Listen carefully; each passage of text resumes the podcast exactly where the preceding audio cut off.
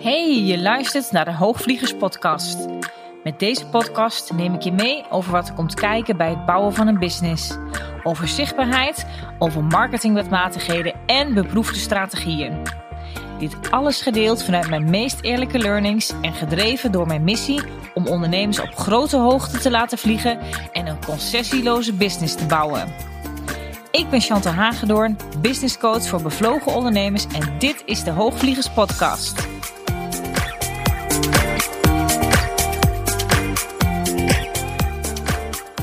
Welkom lieve luisteraars, wat fijn dat je er weer bent en weer luistert naar de Hoogvliegers Podcast. Het is begin juli wanneer ik deze podcast opneem, want ik heb deze al iets eerder opgenomen voordat het moment eh, dat ik deze eigenlijk ga lanceren.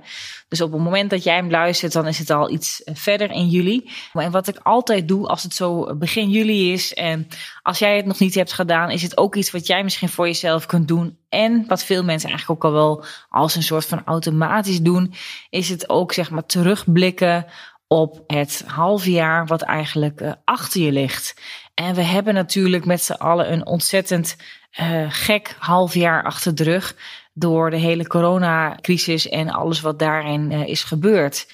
Als ik zelf zeg maar terugdenk aan het afgelopen half jaar en ja, waar ik in mijn hoofd bijvoorbeeld en in mijn leven vooral ook heel erg druk mee ben geweest, dan is dat ja, naast natuurlijk een business stuk, maar ook uh, een heel groot persoonlijk stuk. En ik heb daarmee ook het afgelopen half jaar als behoorlijk intens ervaren. Ik weet niet hoe ik het anders kan omschrijven dan dat woord. Het uh, komt namelijk voort uit alles wat er is gebeurd. En ook keuzes die wij hebben gemaakt. Met wij bedoel ik ik en mijn man.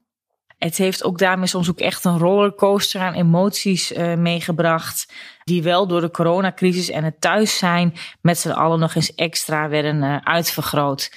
En misschien is dat ook iets uh, ja, wat je zelf ook herkent. Daarover wil ik het ook met je gaan hebben in deze podcast in deze aflevering. Ik ken een uitspraak en misschien heb je er zelf ook wel eens vaker van gehoord. En die gaat als volgt: Business has nothing to do with feelings. Nou, het is een uitspraak hè, dat erop doelt dat je zaken in je bedrijf niet dient te verwarren met emoties. En uh, zeker niet als er ook bijvoorbeeld gewoon cijfers hè, of ratio's zijn uh, die niet anders dan de feiten laten zien.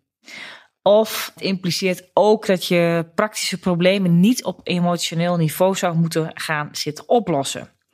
Nou, ik houd van deze uitspraak, echt waar. Want het maakt in veel aspecten zaken zo simpel, waar ik anderen echt wel eens het onnodig zichzelf eh, lastig zie maken. Maar in dit geval ben ik op dit persoonlijke stuk het afgelopen half jaar regelmatig heel emotioneel geweest. En niet zozeer over mijn business dus, als wel dus over iets persoonlijks. Het is namelijk zo dat onze zoon na de zomer naar een andere basisschool gaat. En het is natuurlijk een keuze die, hebben, die wij hebben gemaakt en die niet uit de lucht komt vallen natuurlijk. Na heel veel eerlijke gesprekken met school eh, en ook het rondkijken op andere scholen zijn we tot het besluit gekomen dat ja, de vorm van het onderwijs uh, waar hij uh, nu op zit, hij zit namelijk nu op een vrije school, niet zo passend is voor hem en wat hij uh, vooral nodig heeft in het leren en om daar ook gewoon goed tot in ontwikkeling te komen. Alleen hij is zelf wel ontzettend gehecht aan zijn klasgenoten en aan zijn vrienden en aan zijn juf. En het is echt zijn vertrouwde plek waar hij zich fijn voelt. En hem dit af te nemen doet, ja, doet gewoon echt pijn, veel pijn. En het maakt ook dat we deze keuze heel zorgvuldig en ook ja, wel overwogen hebben genomen. Onlangs is hij voor het eerst ook even een ochtend mee gaan doen op zijn nieuwe school. En uh, hij vond het leuk. Uh, daarmee kwam hij thuis. En dat voelde voor mij en ook voor mijn man als een enorme opluchting. Maar toen hij nog weer een keer mocht komen om kennis te maken met zijn nieuwe juf voor het volgende schooljaar en ook de nieuwe klas. Ze noemen dat daar een zogenaamde wisselochtend, waarmee je dus ja, bij je andere klas, want het zit in een ander gebouw, dat je daar even mag uh, gaan kijken en dan dat je ook alvast kennis maakt met je nieuwe juf en meester in dit geval.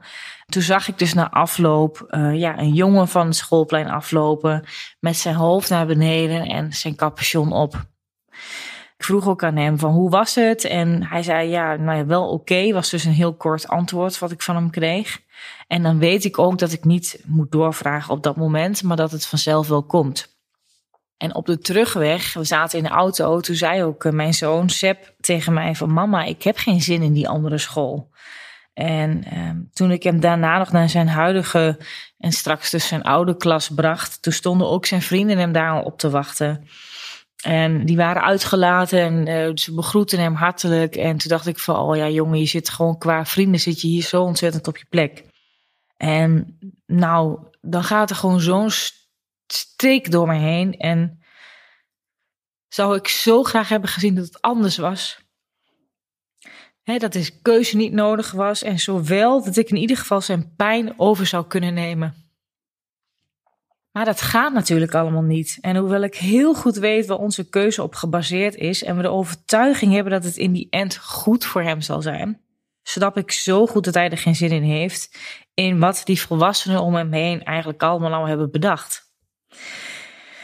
Natuurlijk is hij er ook wel in gekend, want ja, let wel, hè, als het aan hem zelf lag, dan hoefde dit allemaal niet. Hij kan op, op zijn leeftijd ook, denk ik, nog natuurlijk nog niet overzien welke voordelen die andere school mogelijk voor hem zullen hebben. In dit hele proces, dat heeft zich uh, vanaf ongeveer januari ja, tot en met uh, juni dus afgespeeld. Uh, waarin we ook in mei het besluit hebben genomen en de knoop hebben doorgehakt. Ja, zijn er vele tranen gevallen en nog heb ik het er moeilijk mee. En dat hoor je ook aan mijn stem af en toe. Maar ik heb mezelf voorgenomen dat ik in deze podcast zo eerlijk mogelijk zou zijn. Dat je de, mijn meest eerlijke versie van mijzelf, zeg maar, zou krijgen. En voilà, nou, hier is die dan. En dat betekent dus ook dat ik soms daarin een persoonlijk stuk van mezelf laat zien. Weet je, en soms dan zit je ook zo ergens middenin in zo'n proces dat je het dan ook niet meer helder ziet. Want op een gegeven moment vroeg ik elkaar mijn man van waarom doen we dit nou ook alweer? Ik was het echt even helemaal kwijt. Het heeft daarmee echt ontzettend veel energie, tijd en ook tranen gekost om dit proces in goede banen te leiden. Nou, dat viel dus allemaal midden in die coronatijd, waarin we met elkaar thuis eh, zaten en ook alles nog eens extra, ja, een soort van uitvergroot werd en ook open en bloot werd gelegd. En dat is ook wel in mijn bedrijf zo. Want je zult je misschien afvragen of bovenstaande nog ergens een link heeft met business. Maar dat heeft het dus alles. En daar kom ik ook zo op. Want terwijl dus op privégebied zoveel onzeker werd en we ook nog niet alles konden overzien voor onze zoon en wat het beste was om te doen, was er dus ook die coronacrisis die uh, in heel veel gevallen voor ondernemers ook eenzelfde soort onzekerheid met zich meebracht. En dat is iets wat ik wel degelijk heb gezien, ook bij een aantal van mijn klanten. Ik had ook bijvoorbeeld een, een klant die heeft een, een kapsalon en uh, ze was nog niet geopend. Dus ze had helemaal uh, eigenlijk nog geen klantenkring of een klantenbestand opgebouwd. En ja, ze heeft nog niet eens de deuren echt goed en wel open kunnen hebben voordat ze dus dicht moest. En nou, ik kan je wel vertellen dat het heel erg zuur is. En als je net alles wat je hebt ook in zo'n zaak hebt geïnvesteerd en naar een andere stad bent gegaan, daar bent komen wonen en dan, ja, waarvan je natuurlijk wel de overtuiging hebt dat het heel goed is wat je gaat doen. Maar je kan nog niet alles overzien. En als er dan op een gegeven moment, ja, dit je ook wordt afgenomen, want dat is wel, ja, wat er in feite is gebeurd door de hele coronacrisis, is haar iets afgenomen, heeft ze op dat moment niet kunnen openen, dan gebeurt er dus wel degelijk iets met je. Voor mijzelf persoonlijk in mijn business vond ik dat het minder aan de hand was. Weet je, ik heb echt wel een aantal zaken moeten doorschuiven, het anders moeten inrichten en ook daarin soms een andere vorm moeten zoeken. Maar het was niet. Ik had al vrij snel daarin, als je het hebt over een soort van zekerheid voelen, een soort van weten, weten waar ik goed in ben en waar ik er voor een ander kan zijn. Dat was in dit stuk voelde ik dat heel zeker en heel dat ik daarin heel ook nodig was en daar mijn steentje zou kunnen bijdragen. dat maakte ook dat ik in eind april, begin mei ook een uh, challenge heb uh, georganiseerd, een online challenge, waarin ik met heel veel enthousiaste en bevlogen ondernemers uh, aan de slag ben gegaan, een week lang. En ja, dat was ook echt een mega fijne energie om ook op zoiets, op deze wijze zeg maar ook iets ja, te kunnen geven aan ondernemers. En ik ben ook van daaruit weer met een hele groep eh, ondernemers is er weer een nieuwe ronde opgestart. Ook van mijn programma De Vliegroute naar een succesvol bedrijf. Waar we ook afgelopen vrijdag ook een live dag mee hebben gehad. Die dus ook nu weer plaats kon vinden. Op anderhalve meter eh, natuurlijk met elkaar. En dat is ook heel fijn op die manier ook weer gewoon dat je weer met elkaar hebt kunnen verbinden. En dat dat dus ook wel weer kon en dat daarin ook wel weer mogelijkheden uh, zaten. Maar het heeft ook voor heel veel ondernemers, en dat weet ik, gewoon echt iets blootgelegd in een bedrijf. En het heeft je soms doen uitnodigen om ergens naar te kijken waar je misschien anders misschien nog niet zo snel had, uh, had naar gekeken. En uh, dan kan iets best wel pijnlijk zijn om soms in eerste instantie te zien. Want laten we wel wezen, we kunnen er heel snel overheen stappen en alles maar bestempelen als dat iets weer ja, een kans is. En natuurlijk zit er ook altijd ergens weer een kans in en mogelijkheden. En zo sta ik ook in het leven, want ik ben van nature ben ik vrij positief en mijn glas is eerder half vol als half leeg. Maar het betekent niet dat je maar je ogen hebt te sluiten voor ja, de pijn, voor iets of iets wat het blootlegt ja, wat wel degelijk soms ook eerst pijnlijk is om naar te kijken en om op te pakken. Weet je, en als ik dan ook bedenk dat voor ons het proces wat wij met onze zoon hebben doorgemaakt, hè, dat dat ook bijvoorbeeld echt tijd, energie en ook tranen heeft gekost. In ieder geval bij mij dan hoor, mijn man huilt niet zo snel.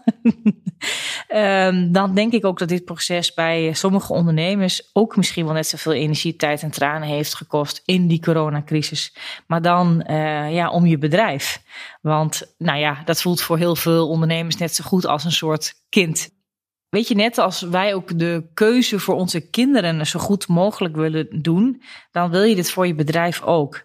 Dus dat vergt ook eh, aandacht en zaken afwegen wat het beste is om te doen. En daarmee vertrouw ik altijd juist heel sterk op mijn gevoel.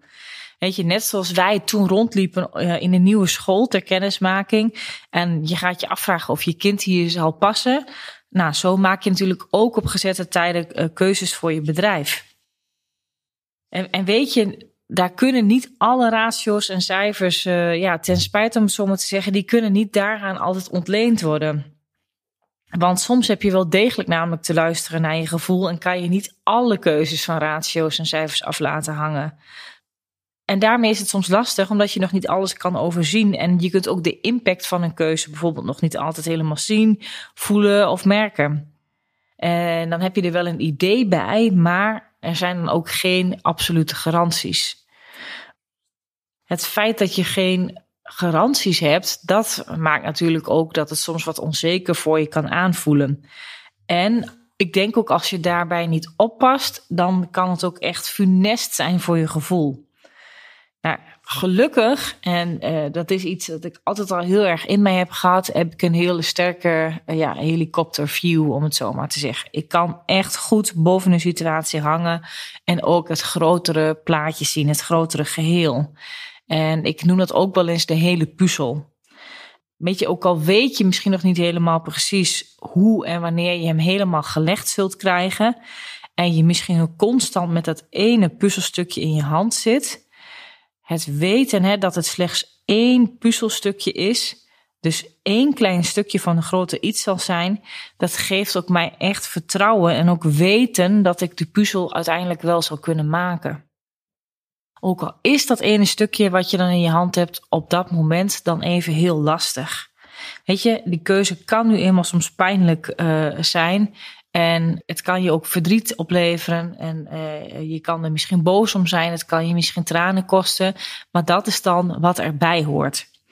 Um, er wordt ook wel vaak gevraagd, denk ik ook aan ondernemers, hè, van ben je ook bereid om ergens helemaal voor te gaan? Hè, om er van alles voor te doen. En meestal zeggen dan ondernemers van ja, dat ben ik. En dan zit je in zo'n high energy vibe. En dan denk je, ja, ik ga er gewoon helemaal voor. Maar ik denk dat een betere vraag misschien wel is: wat ben je bereid ervoor te laten of op te geven? Omdat wat je wilt en wat belangrijk voor je is, te doen laten groeien. Omdat je aan dat stukje, aan dat stuk geen concessies wil doen.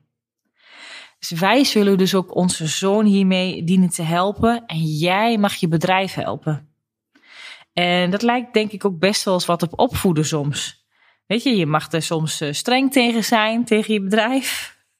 Dus ook tegen jezelf als je zelfstandig ondernemer bent. Maar je mag ook geduldig zijn. En liefde tonen. En keuzes voor maken. Vertrouwen hebben. Het stevig vasthouden. Het loslaten. En het dus ook laten groeien. Maar omdat je er nog middenin zit en ook al niet helemaal bij die end dus bent hè, van je keuze, dan kan het dus schuren en pijn doen en maak je dus ook in mijn beleving binnen het grotere proces van die keuze steeds al kleinere keuzes. Weet je, als jij er bijvoorbeeld voor kiest hè, om voortaan nog enkel met groepen en of bijvoorbeeld online te werken, dan lijkt dat heel simpel. Maar ik weet echter dat dit heel vaak inhoudt of betekent dat de ondernemer in kwestie zich tekort zal voelen schieten naar bijvoorbeeld eerdere één op één klanten die je altijd hebt begeleid. Of soms voel je je misschien zelfs tekort schieten of al op voorhand schuldig naar klanten die je, die je misschien nog niet eens hebt, die er nog niet eens zijn omdat heel veel, tenminste van mijn klanten, er wel een sterk invoelend vermogen hebben. Dus die kunnen dat al vooruit denken en soms zelfs ook stuk denken. En dan kan je je dus afvragen of het misschien wel echt slim is om te doen. Terwijl je dit dus aan het neerzetten bent. En dan gaat dat dus schuren.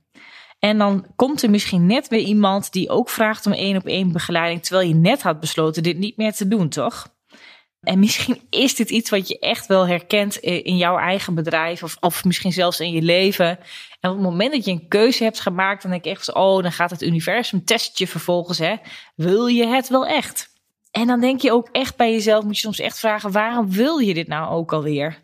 Wat waren nou de voordelen er ook alweer van? Want zoals je het nu bekijkt en ziet, dan zijn die voordelen echt niet voelbaar hoor. En dan denk je echt van, wow, verdemmen, dit is stom. Ik ga maar weer op de oude voet verder, want dat is veel gemakkelijker.